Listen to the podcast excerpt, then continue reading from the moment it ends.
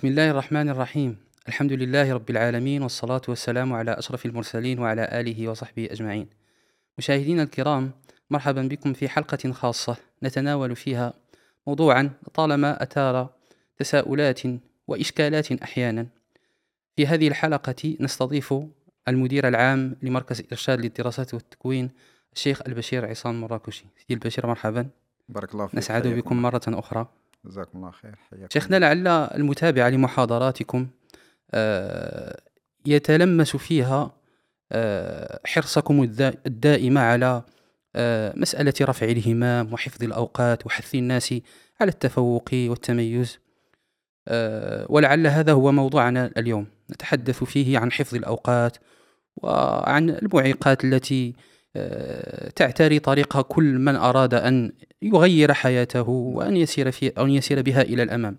لكن قبل أن ندلف إلى الموضوع آه، نحب أن نتحدث عن مسألة وهي ما يسمى بالتنمية البشرية. نعم.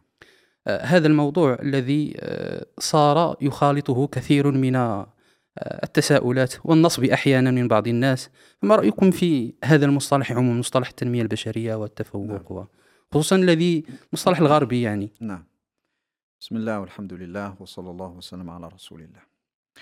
آه، في الحقيقة عندنا قاعدة عامة في مثل هذه الألفاظ والمصطلحات التي آه، ليس لها أصل في شرعنا لا في كتاب ولا في سنة. نعم. فلا يمكننا أن نحكم على هذا المصطلح الجديد إلا بعد أن نستفصل من أهله عن مرادهم به. وإلا فحينئذ يكون الخلاف بين الناس حول هذا اللفظ أو حول هذا المصطلح خلافا لفظيا لا يقع على نفس المواقع التي يتحدث فيها المتحدثان المختلفان نعم. فهذا ينفي شيئا والآخر يثبت شيئا غيره ويظن الخلاف ولا خلاف على الحقيقة. فإذا التنمية البشرية أو التنمية الذاتية هي مصطلحات ناشئة في الغرب الرأسمالي على الخصوص في أمريكا ثم انتشرت في العالم كله. إذا استثنينا جانبا خاصا وهو ما يرتبط ببعض العقائد كما يتعلق بالطاقة ونحو ذلك من العقائد التي أخذت من فلسفات آه، شرقية. إذا استثنينا هذا الأمر ونظرنا إلى الهيكل آه، المجرد لما يسمى بالتنمية الذاتية أو البشرية فإننا نجده يستلهم بعض الأفكار من علم النفس من علم الاجتماع من آه، تجارب خاصة. عموما ليست مما يمكن أن ننفيه من الناحية الشرعية أو أن نبطله ولكن دون أن نتحمس له كثيرا. آه، مع ذلك هنالك مجموعة من الإشكالات ترافق هذا ال ال يعني هذه التنمية البشرية لكونها ناشئة في مجتمعات رأسمالية محضة. تنطلق من المادة وتجعل المادة أعلى غاياتها. فلأجل ذلك حين نحاول النظر في هذه التنمية البشرية أو استعمالها في مجتمعاتنا الإسلامية نحتاج أن نحذر من هذه الارتباطات بين التنمية البشرية وبيئتها التي نشأت فيها أي البيئة الرأسمالية المعروفة. مثلا من الأمثلة المشهورة التي نحتاج إلى آه، يعني بيانها أن معنى التفوق ومعنى النجاح في آه، كتابات هؤلاء الذين يكتبون في هذا المجال هو معنى التفوق المادي والنجاح المادي فقط. نعم. ولذلك يكثر أن تجد عندهم مثلا آه، فلان من الناس كان فقيرا جدا ولكن كان عنده طموح. صار غنيا جدا بعد أن فعل كذا وكذا وكذا. صار من كبار الأغنياء صار عنده شركات صار إلى آخره. فيجعلون هذا هو معيار النجاح. نعم. ويجعلون هذا الانتقال من فقر إلى غنى دليلا على النجاح وأن من يفعل مثل ما فعل هؤلاء فإنه إنسان ناجح متفوق بمقاييسه. وهذا في التصور الشرعي الإسلامي ليس صحيحا. بهذا الإطلاق. فالغنى المادي ليس مطلوبا لذاته والانتقال من الفقر إلى الغنى ليس بالضرورة شيئا مطلوبا محمودا في ذاته. بل قد يكون وبالا على صاحبه كما قد يكون آه، بعكس ذلك خيرا وبركة على صاحبه بحسب آه، كيف تعامل مع هذا الثراء ومع هذه الأموال التي جمعها. فاذا هذا مثال واحد من ضمن أمثلة كثيرة تدلك على خطورة التسليم المطلق لمثل هذه الكتب آه، أو الكتابات عموما في مجال التنمية البشرية. لنا مقاييسنا ومعاييرنا المأخوذة من تصورنا الإسلامي الخاص ينبغي أن نحرص عليها وأن نستفيد مما عندهم وفعلا وجد يعني من ضمن الكتاب أو نعم المؤلفين المسلمين من حاول أن يستفيد من هذه الكتابات وأن يعني يضيف إليها هذه النظرة الشرعية فكان في ذلك الكثير من الفائدة. نعم بارك الله فيكم. طيب شيخنا طالما حررنا المصطلح نعم. كما يقول يعني لم نحرره بشكل, بشكل آه، علمي محض نعم. حقيقة نعم. لأن هذا يحتاج إلى وقت طويل ويحتاج إلى أشياء لا أحب أن أخوض فيها الآن. لكن أنا فقط نعم. آه، آه، يعني أردت أن أنبه على أن المعايير المعتمدة في التنمية البشرية ليست هي نفس المعايير التي ينبغي أن نعتد بها في تصورنا الإسلامي. نعم. هذا ناهيك عن الوسائل هم يعني طبيعة الحال طبيعة الحال ناهيك نعم. عن الوسائل. لا شك. طيب شيخنا الآن آه، في هذه المسألة مسألة تطوير الذات والتنمية الذاتية لعلنا نتحدث عن فئة وهم فئة الملتزمون أو المستقيمون على طريق الله تعالى. هؤلاء في الغالب يكون تكون لهم طموحات وتكون لهم أهداف غير غير آه، الناس الآخرين. لكن في نفس الوقت عند هؤلاء نجد خصوصا في هذه الأزمنة المتأخرة نجد أن يعني كثيرا منهم آه، صاروا يعني يرتكبون الشهوات وربما تدخل عليهم بعض الشبهات. هل هناك فرق اولا هل هناك فرق بين هؤلاء الناس وبين غيرهم؟ يعني مثلا إنسان عادي ليس له طموح وليس له يعني يعيش حياة عادية. وشخص مستقيم على دين الله تعالى. وهو يقع مثلا في الشبهات والشهوات. نعم. هل نضع هؤلاء على كفة ميزان واحدة؟ هذا سؤال أول. ثم سؤال ثان لماذا هؤلاء الذين يفترض منهم أن يصلحوا الأمة وأن يسعوا في استنقاذها من آه، التخلف والرجعية. هم من نجد فيهم هذه الأمراض إن صح التعبير. آه، يعني هم فيهم بعض هذه الأمراض. آه كي طبعا. نبالغ. آه طبعا آه أنت ما قصدت أنهم يعني فيهم كل السوء نعم. لكن في بعضهم بعض هذه الأمراض. هل آه نسوي بين آه الشخصين بين م. ذاك الذي لا يحمل هما ولا رسالة وذاك الآخر الذي يحمل هما ورسالة. في الحقيقة لا نسوي بينهما من وجه وإن كنا نسوي بينهما من وجه آخر. طيب. هما شيء واحد في التكاليف الشرعية. بمعنى أنهم في الميزان الشرعي الخالص في ميزان التكليف مطالبون بالأشياء نفسها. من عبادات ومعاملات من التزام بالشريعة من آه، تسليم للكتاب والسنة إلى غير ذلك. يعني لا فرق بينهما في هذا كله. وإنما أذكر هذا تخصيصا لأن بعض الناس يظن أن لهؤلاء الرساليين بين قوسين سمتا خاصا هديا معينا في لباسهم في آه، آه، مثلا في نوع الحجاب بالنسبة للنساء في نوع اللحية بالنسبة للرجال وما أشبه ذلك من الهدي الظاهر. وأن هذه الأمور مطلوبة في حقهم ليست مطلوبة في غيرهم. لا الأمر ليس بهذا الشكل. التكاليف الشرعية يرجع إلى آه، في معرفة تفاصيلها إلى كتاب الله وسنة رسول الله صلى الله عليه وسلم على ما وضحه الفقهاء رحمهم الله تعالى. إذا نسوي بينهما من هذه الحيثية لكن من جهة أخرى لا نسوي بينهما من جهة ما يطلب فعله زائدا على مجرد هذه التكاليف التي يستوي فيها عموم المسلمين. فمثلا هذا الإنسان الرسالي آه الذي يحمل هموم الأمة. الذي يريد إرجاع الإسلام إلى سكته الصحيحة. مم. الذي يريد أن تكون المرجعية العليا في هذه الأمة لكتاب الله وسنة رسوله صلى الله عليه وسلم. الذي له آه، غايات كبرى في الحياة يسعى إليها. هذا الإنسان لا يمكن أن يكون في تصرفاته في حياته في وقته في عمله كغيره من الناس. نحن نطالبه بأشياء أخرى زائدة هي الأشياء التي يطالب بها عموم المصلحين. فالمصلح الذي يريد أن يكون آه، قدوة لغيره من الناس أن يؤتم به أن آه، يسعى إلى إصلاح أمته هذا لا شك أنه يطالب يطالب بأشياء كثيرة جدا. أن يترك التفاهات أن ينظم وقته أن يحرص على وقته أشد ما يكون الحرص أن لا يكتفي بالفرائض في مجال العبادات بل يزيد ما أمكنه من النوافل أن يدعو إلى الله عز وجل أن يجعل آه، همه كله في يومه وليلته للعمل لدين الله عز وجل.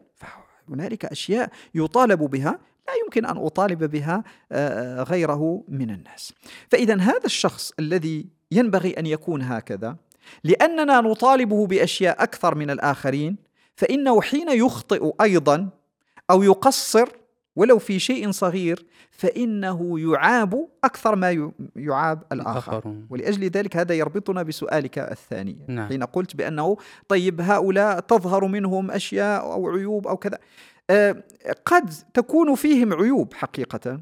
قد يكون عندهم اختلالات في النفس في تزكيتها في قلوبهم في تعاملاتهم في أخلاقهم. هذا كله ممكن. ولكن أيضا لا ينبغي أن آه، نخرج من حساباتنا أن بعض الأشياء التي يفعلها هؤلاء قد يفعلها غيرهم ثم لا يحاسب الفريقان بنفس طريقة طريقة. المحاسبة واضح؟ آه. فلأجل ذلك يعني آه، هؤلاء ال- الرساليون الملتزمون المستقيمون سمهم ما شئت آه، الذين يحملون هم الدين الذين يريدون حمل رسالة الإسلام هؤلاء إذا أخطأوا فإن كما قيل قديما بالنسبة للعلماء زلة العالم مقروع لها الطبل.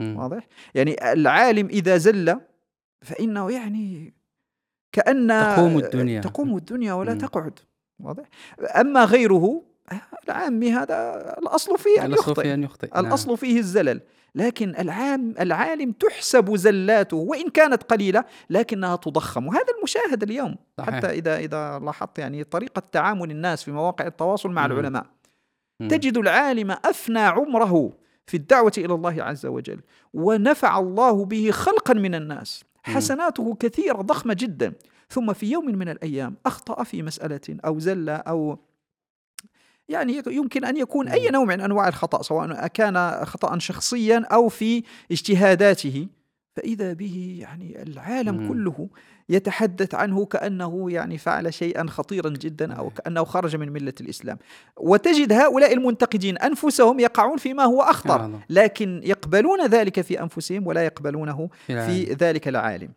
فهذا هو نعم. السبب الذي من أجله ينبغي أن يعني أنا فقط ذكرت هذا ليكون شيء لنتعامل بشيء من النسبية مع فكرتك هذه انه صحيح هنالك عيوب نحن نعرفها نعم. هنالك اختلالات هنالك أمراض في القلوب تحتاج إلى العلاج ولكنها ليست بتلك الخطورة التي يتصور بل شيخنا هذه الطريقة التي يتعامل بها الناس مع العلماء نعم. صاروا يتعاملون بها حتى مع ال- يعني مع أناس عاديين مم. يكفي أن يرى فيه سمتا إسلاميا أو يعني صحيح. له لحية أو يرتدي صحيح. قميصا فيتعامل معه صحيح. بهذه الطريقة صحيح.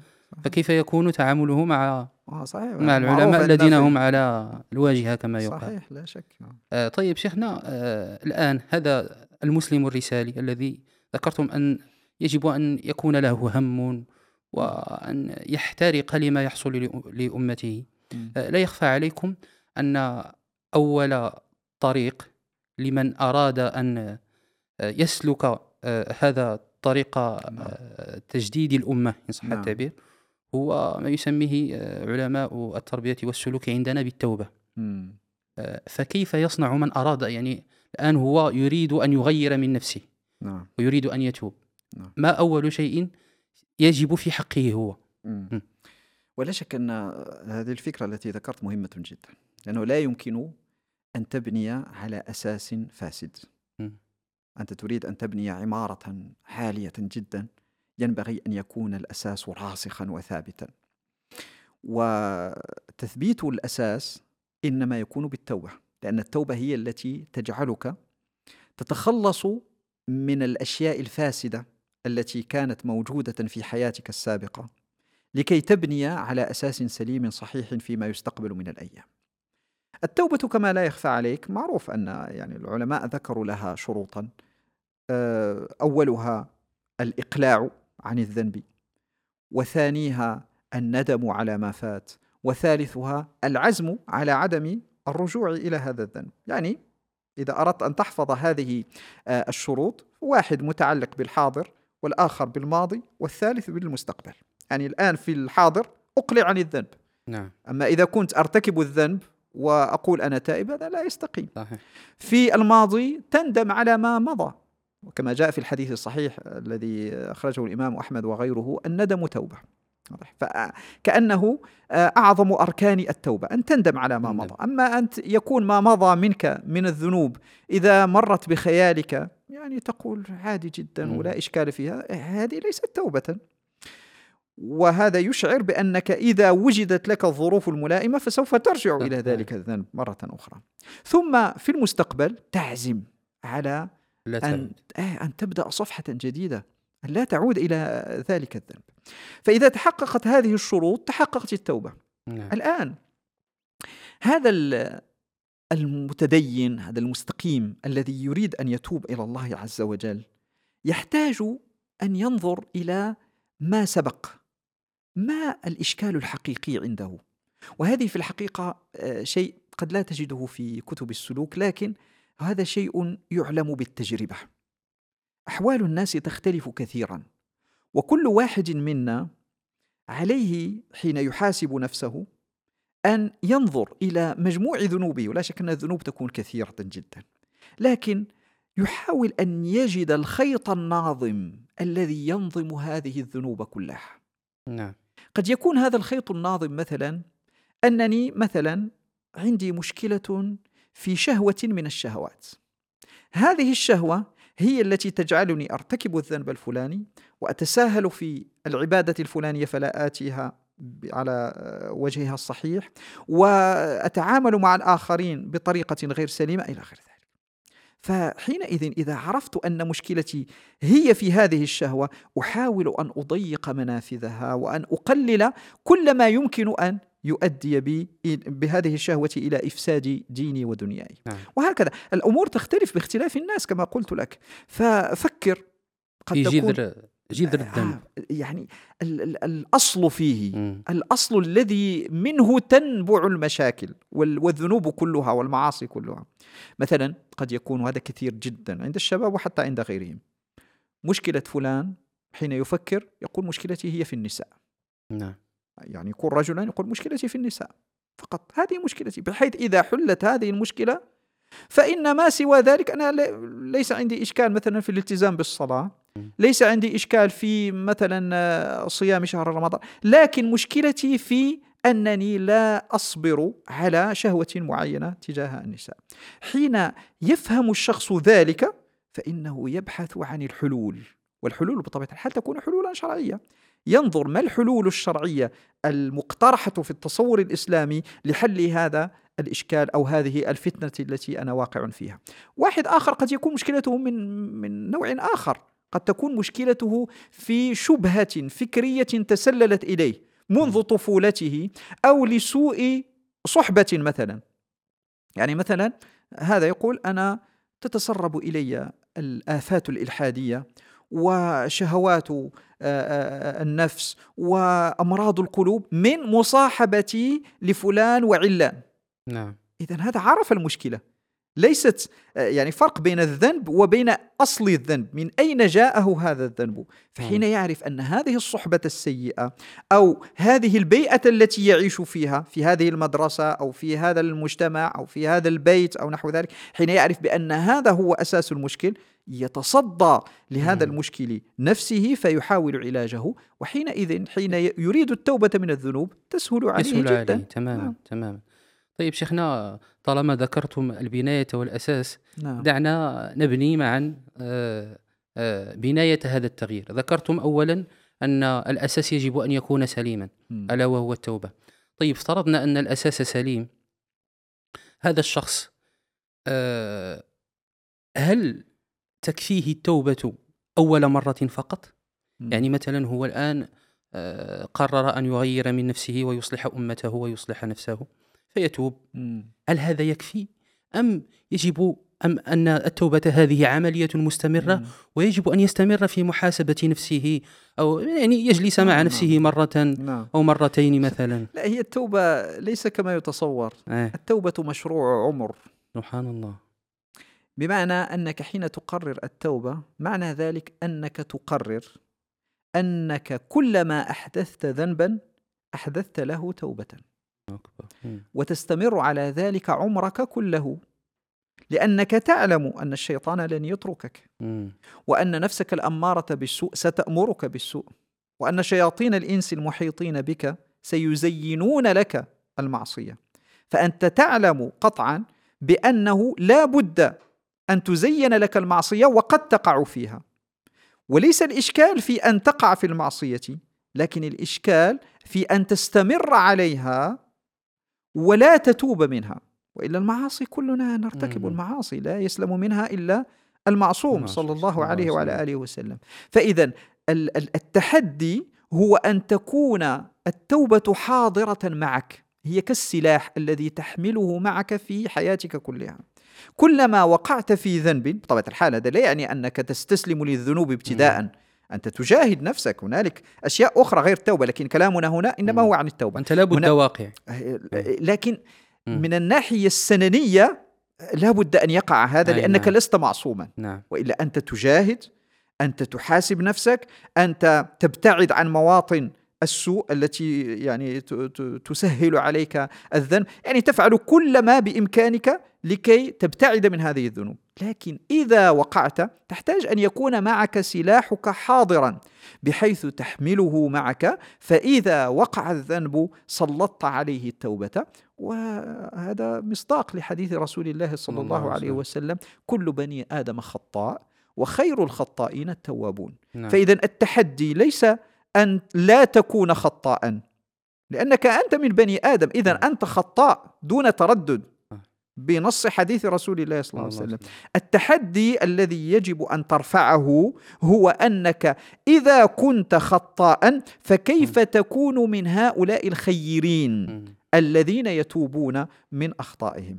فاذا هذا هو ال ال قضية التوبة هكذا ينبغي أن نفهمها. أما توبة واحدة ثم خلاص صرت كأنني رفع عني القلم بعد ذلك هذا لا معنى له. وهذا هو الإشكال الذي يقع فيه بعض الناس للأسف الشديد. فإنه منذ توبته الأولى يكون فاسقا مثلا فيتوب توبة أولى من ذلك الفسق وذلك الفجور يلتزم بدين الله عز وجل ثم ينسى قضية التوبة. ماذا يقع؟ يطول عليه الأمد. وإذا طال الأمد قسى القلب. وحين يقسو القلب لا يبقى من الإنسان من المسلم إلا ظاهر العمل. أما باطنه فقد انمحى واندثر. نعم. تجد ظاهر العمل هو نفس هو نفس ظاهر العمل الذي كان عليه مباشرة بعد توبته. يعني مباشرة بعد توبته قرر أن يلتزم بالصلوات وأن يلتزم مثلا المرأة أن تلتزم بالحجاب وكذا وكذا.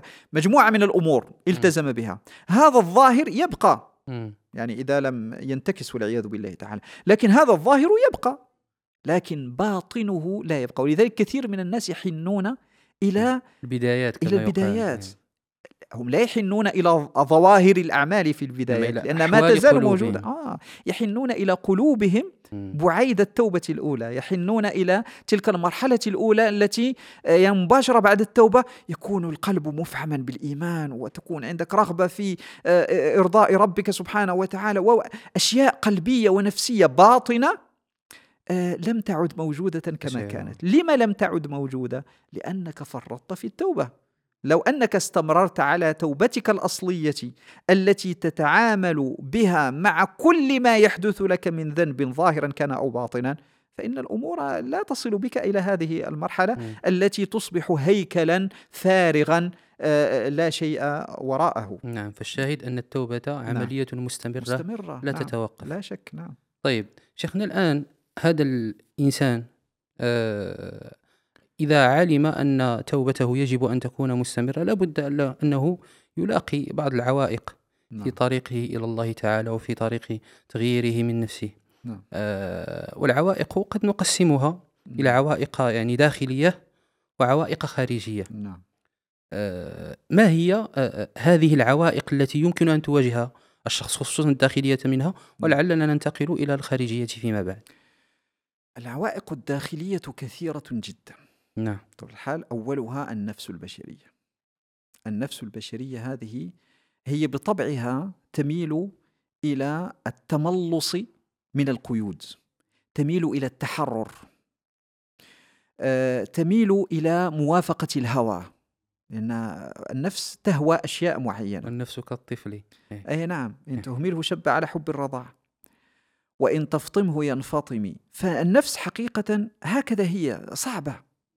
صعبة تحتاج إلى أن تنقاد أن تقودها فتنقاد نعم. وكلام السلف في هذا كثير جدا أنهم كانوا يجاهدون نفوسهم بالدرجة الأولى أكثر مما يجاهدون عدوا خارجيا لأنه إذا انقادت لك نفسك فالعدو الخارجي هذا يمكن أن تتعامل معه بسهولة بإذن الله عز وجل وبعون من الله سبحانه وتعالى لكن الإشكال الأكبر هو ماذا؟ حين تكون نفسك التي في باطنك تنازعك فأنت تريد أن تقودها إلى الطاعة وهي تختار محابها وتختار هواها.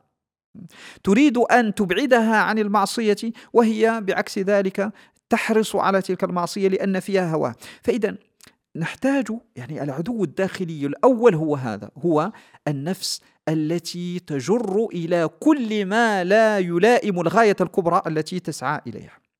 ثم هذه النفس حين نتحدث عنها نحن لا نتحدث فقط عن آه، النفس في تعاملها مع الطاعة ومع المعصية. نتحدث حتى في تعاملها مع أشياء أخرى. مثلا آه، يعني النفس بطبيعتها آه، تطلب منك كما قلت أن تكون متحررا من القيود. من ضمن هذه القيود القيود المرتبطة بتنظيم الوقت مثلا. واحد. كثير من الناس نعرفهم يعيش في الحياة سبهللة كأنه لم يؤمر ولم ينهى. يعني آه، ليس عنده حين يستيقظ في الصباح تقول له ما برنامجك لهذا الصباح؟ والله ما عندي برنامج ابدا ما عندي برنامج. تأتي كما تأتي. إيه إحنا راجعين فهو من الناحية النفسية أنا أشهد لهم بشيء. من الناحية النفسية يكونون مرتاحين حقيقة. حين ننظر إلى حالنا حين يعني الناس الذين عندهم نعم. تنظيم أوقاتهم وبرامج وكذا يعني يكون عندهم قلق إيه. حقيقة. هؤلاء يكونون مرتاحين ولكن يعني ما خلقنا لنكون مرتاحين الراحة إنما تكون في الجنة. أما الحياة الدنيا فهي دار أكدار ودار نصب ودار تعب. من أراد أن يرتاح فليبحث عن الراحة العظمى التي تكون في الجنة. ولذلك يعني ذكرت هذا المثال عن هؤلاء الناس الذين ليست لهم برامج في حياتهم لا يسعون إلى شيء. فيعيش في حياته دون تخطيط ودون تنظيم. ولا شك أن النفس ترتاح كما ذكرت لك ترتاح بذلك وتتألم إذا قيدتها. يعني مثلا آه، في أعطيك مثالا مثلا في القراءة وفي طلب العلم عموما. هذا نعم. مثال مشهور جدا عند طلبة العلم. حين تكون في علم من العلوم مثلا تدرس الحديث النبوي مثلا. ففي الوقت الذي تدرس فيه الحديث يصبح الفقه لذيذا جدا. وفي الوقت الذي تدرس فيه الفقه ينقلب الحديث لذيذا جدا. المشكلة ليست في الحديث ولا في الفقه المشكلة في نفسك. نفسك تكره القيود. حين تقيدها وتلزمها بدراسة الحديث ترفض ذلك وتسعى إلى الفقه لا حبا في الفقه ولكن حبا في التحرر من قيود الحديث. واضح؟ نعم. وهذا ليس خاصا بالعلوم في كل شيء. حين يعني مثلا في العبادات مثلا حين يعني تأطر نفسك وتلزمها ب مثلا قراءة القرآن أو يعني حفظ القرآن إيه تقول لك طيب ولكن القرآن ليس ربما ليس هو الأولوية في هذا الوقت. آه هنالك ما هو أهم هنالك كذا. دائما هذا الحب التحرر هذا. فأنت عندك عدو داخلي موجود معك تحمله معك دائما لكنك لا تشعر بعداوته لك لأن هذه النفس حين تزين لك آه هذا التملص من القيود فإنها يعني تشعر كأنك آه، يعني تريد منك شيئا حسنا وشيئا مريحا لك في الحقيقة فلا تشعر بهذه العداوة. ولكن عند التفكر فإنها عداوة حقيقية. اذا أنت تحتاج أن تجاهد نفسك دائما. تجاهدها اولا لتعودها على قياد. الانقياد. تعودها على القيود. عموما أنك ينبغي أن تكوني مقيدة. حتى لو فرضنا أنه ليس عندك شيء ليس عندك برنامج اجعل لها برنامجا. فقط لتتقيد به. هذا هو الذي أردت أسأل عنه شيخنا. طيب الإنسان مسألة آه، أن يجعل الإنسان لنفسه قيودا. هل يكون مثلا في الأمور الضرورية مثلا التي تحتاج تخطيطا؟ أم كما قلت حتى مثلا في مسألة المباحات تعودها أن يعني أن تنقاد لك و تستسلم لأمرك بين قوسين. ما لم يصل ذلك هذا صحيح ما لم يصل ذلك إلى درجة الغلو إلى درجة آه، تحريم المباح آه، مثلا. أو ما أشبه ذلك من أنواع المشقات التي قد يفرضها بعض آه، المتشددين في العبادة مثلا على أنفسهم. نعم. لكن بصراحة يعني أين المتشددون أين في العبادة؟ المتشددون؟ أين العباد؟ هذا يعني كان يصلح في أزمنة سابقة. كنا نخاطب يعني كان العلماء يخاطبون هؤلاء العباد الذين يشددون على أنفسهم فينهونهم عن هذا الغلو. ونحو ذلك. يعني في زماننا هذا شيء نادر, نادر. جدا وقليل. ويعني كل الإشكال إنما هو في الاتجاه الآخر يعني في نعم. التملص من العبادة والتملص من القيود. فإذا قيدتها يعني بشيء ما فهو حسن. آه، هل تكون هذه القيود في الأشياء الضرورية فقط أم حتى في بعض المباحات آه، أما في الأمور الواجبة فهذا واضح جدا نعم. يعني لا نحتاج إلى الكلام فيه. بل حتى في الأشياء التي هي مستحبة أو هي من قبيل فروض الكفاية. يعني مثلا الدعوة إلى الله عز وجل هي فرض كفاية ليست واجبة على كل أحد. ولكن إذا رأيت من نفسك القدرة على الدعوة إلى الله عز وجل فإن ذلك الفرض الذي كان كفائيا يمكن أن يتعين في حقك، أن يتعين عليك أي أن يصبح فرض عين بالنسبة لك. فلأجل ذلك آه، يعني في فروض الكفايات في بعض المستحبات هذه أشياء يمكن أن بل ينبغي لك أن تحرص على تقييد نفسك في التخطيط لها. أما في المباحات فهذا من باب التعويد ومن باب التدريب فقط. يعني تدرب نفسك على أشياء معينة. يعني مثلا أعطيك مثالا. حين يأتي شهر رمضان كثير من الناس يجد صعوبة في اليوم الأول من شهر رمضان. اللي يقول لك أنا ضرني راسي اللي يقول لك آه، أجد آه، كذا صعوبة في الجهاز الهضمي. اللي من أين أتى هذا كله؟ عدم التدريب. عدم التدريب لأنه يبقى أحد عشر شهرا لا يصوم يوما واحدا. فإذا جاء شهر الصيام وهو يأتي بثلاثين يوما ما يأتي بيوم واحد فلا شك أن تجد صعوبة في ذلك. فلو أنك عودت نفسك ودربت نفسك على بعض هذه الطاعات لا لانت نفسك بها وانقادت لها انقيادا آه، تاما. فهذا هو الأشياء التي يعني في هذه المباحات التدريب حسن لكن دون أن يصل كما قلت لك إلى درجة الغلو. نعم. طيب شيخنا هذا فيما يخص المعيقات الداخلية. ماذا عن المعيقات الخارجية؟ المعيقات الخارجية كثيرة جدا كثيرة جدا. وحين تتفكر في هذه الأشياء التي تصرفك عن آه، العمل لدين الله عز وجل فإنك تكاد تصاب باليأس والإحباط لولا أنك تركن إلى ركن ركين. هو التوكل على الله سبحانه وتعالى. صحيح أن هذا هؤلاء الذين يحاولون صرفك عن الدين هم أقوياء هم كثيرون هم لهم وسائل آه، يعني ذات جاذبية ولكن أيضا أنت باستطاعتك أن تبتعد عن ذلك كله وأن تواجه ذلك كله باعتمادك وبتوكلك على الله سبحانه وتعالى. يصعب أن أحيط بكل العوائق الخارجية لكن من بينها الآفات التي تصرفك عن تنظيم وقتك وحسن استثمار وقتك. مثلا مواقع التواصل.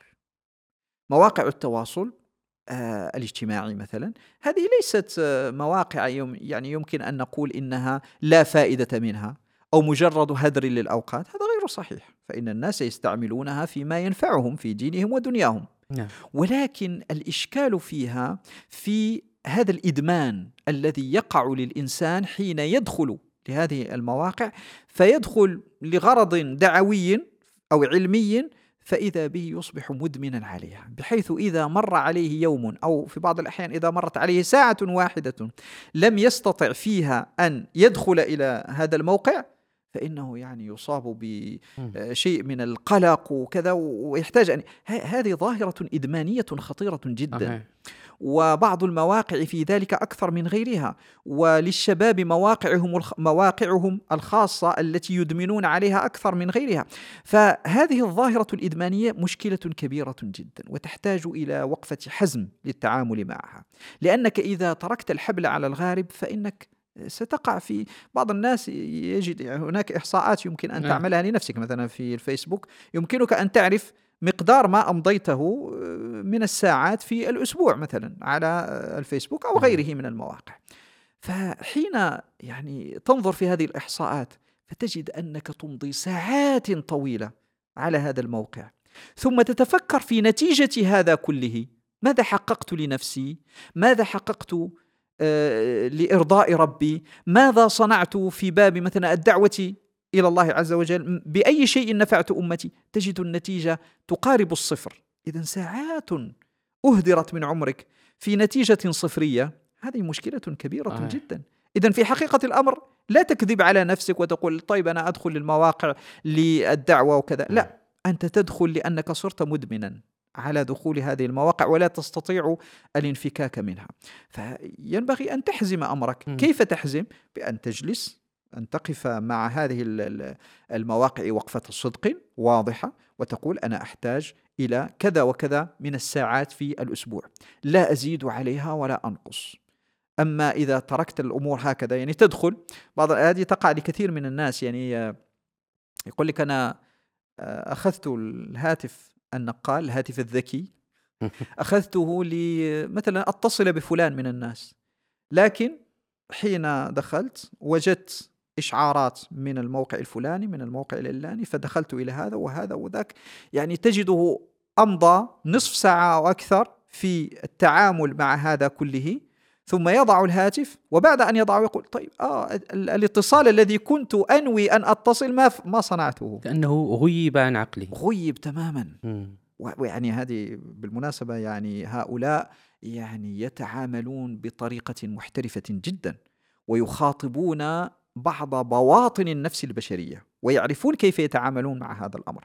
حتى إنهم يعني مثلا من الأشياء التي يستعملها بعض الناس ليس في مواقع التواصل لكن مثلا في آه، بعض مواقع تعليم اللغات أو بعض م. تطبيقات تعليم اللغات تجدهم يدخلون آه، ما يسمونه بالإنجليزي الجيميفيكيشن يعني آه، أن تجعل تعلم التعلم بطريق اللعبة بطريق لعبة. كما موجود في بعض التطبيقات. بحيث مثلا يعمل لك مسابقات آه، يحاسبك على تأخرك في الدخول آه، يرسل لك رسالة إذا لم تواصل مثلا كذا آه، يعطيك محفزات.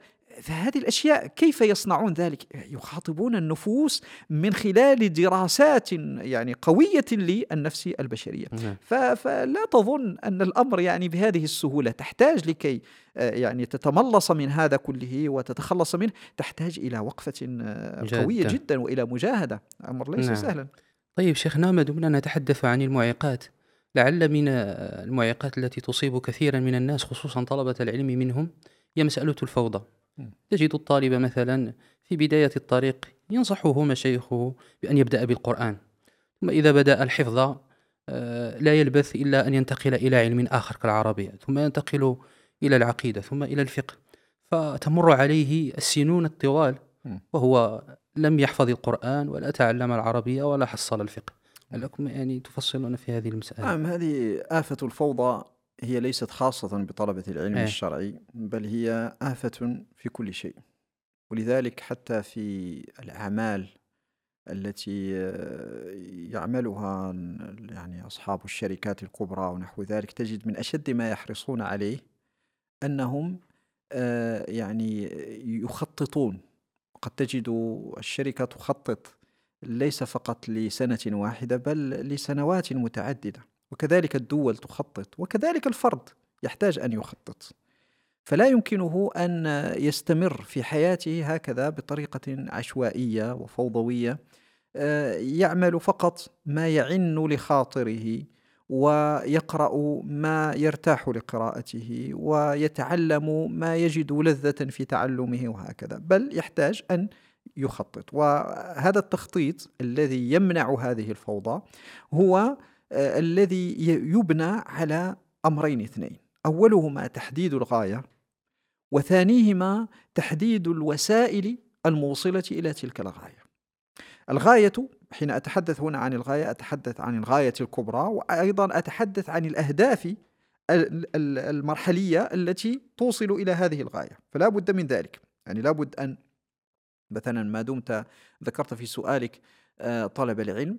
يعني طالب العلم يحتاج أن يعرف ما غايته من طلب العلم. هل غايته أن يكون عالما كبيرا؟ أن يكون طالب علم متقدما؟ أن يكون مثلا مجتهدا في الفقه؟ أن يكون حافظا أو محدثا؟ أن يكون يعني ما غايته من طلبه للعلم؟ ثم ما الأهداف المرحلية التي توصل إلى هذه الغاية. يعني أريد أن أصل إلى درجة أن أكون محدثا مثلا فما الكتب التي أحتاج أن أحفظها أو أن أقرأها؟ ما المهارات الحديثية التي أحتاج أن أكتسبها؟ ثم هذه الأهداف تكون مثلا في سنة في سنتين في عشر سنوات وما أشبه ذلك. نعم. ثم ما الوسائل الموصلة إلى ذلك؟ أحتاج أن أعرف أنني أحتاج إلى قراءة أحتاج إلى حفظ أحتاج إلى سؤال آه، المشايخ والمتخصصين أو إلى حضور مجالسهم. إذا مجموعة من الأشياء أو من الوسائل التي يجب أن أسطرها ثم أبدأ العمل. أما إذا لم تضع الوسائل ولا الأهداف المرحلية ولا كانت الغاية أمامك واضحة أصلا فأنت بالطبع وبالضرورة لا بد أن تستمر في هذه الفوضى التي تعيش فيها. فإذا آه، الفوضى تجرنا إلى التخطيط. وإذا لم يوجد التخطيط فلا بد من أن توجد الفوضى. هذا في طلب العلم هذا في العبادة هذا في الدعوة إلى الله هذا في العمل الإعلامي في كل مجال في أي مجال من مجالات العمل لدين الله عز وجل لا بد من هذا الأمر. ف المسلم لا يمكن أن يستمر على آه، هذه الطريقة العشوائية لا بد له من مخطط وهذا المخطط ينبغي أن يكون محكما وينبغي كذلك أن تكون فيه آه، مرونة نعم. يكون فيه قدر آه، لا بأس به من المرونة لكي يستطيع أن يغير مخططاته بحسب تغير الظروف المحيطة به. نعم. شيخنا جزاكم الله خيرا. بارك الله فيكم. معكم لا يوم كما العادة بارك الله فيكم. الله. مشاهدينا الكرام شكرا على حسن تتبعكم ونلقاكم في لقاء آخر بإذن الله. السلام عليكم ورحمة الله وبركاته.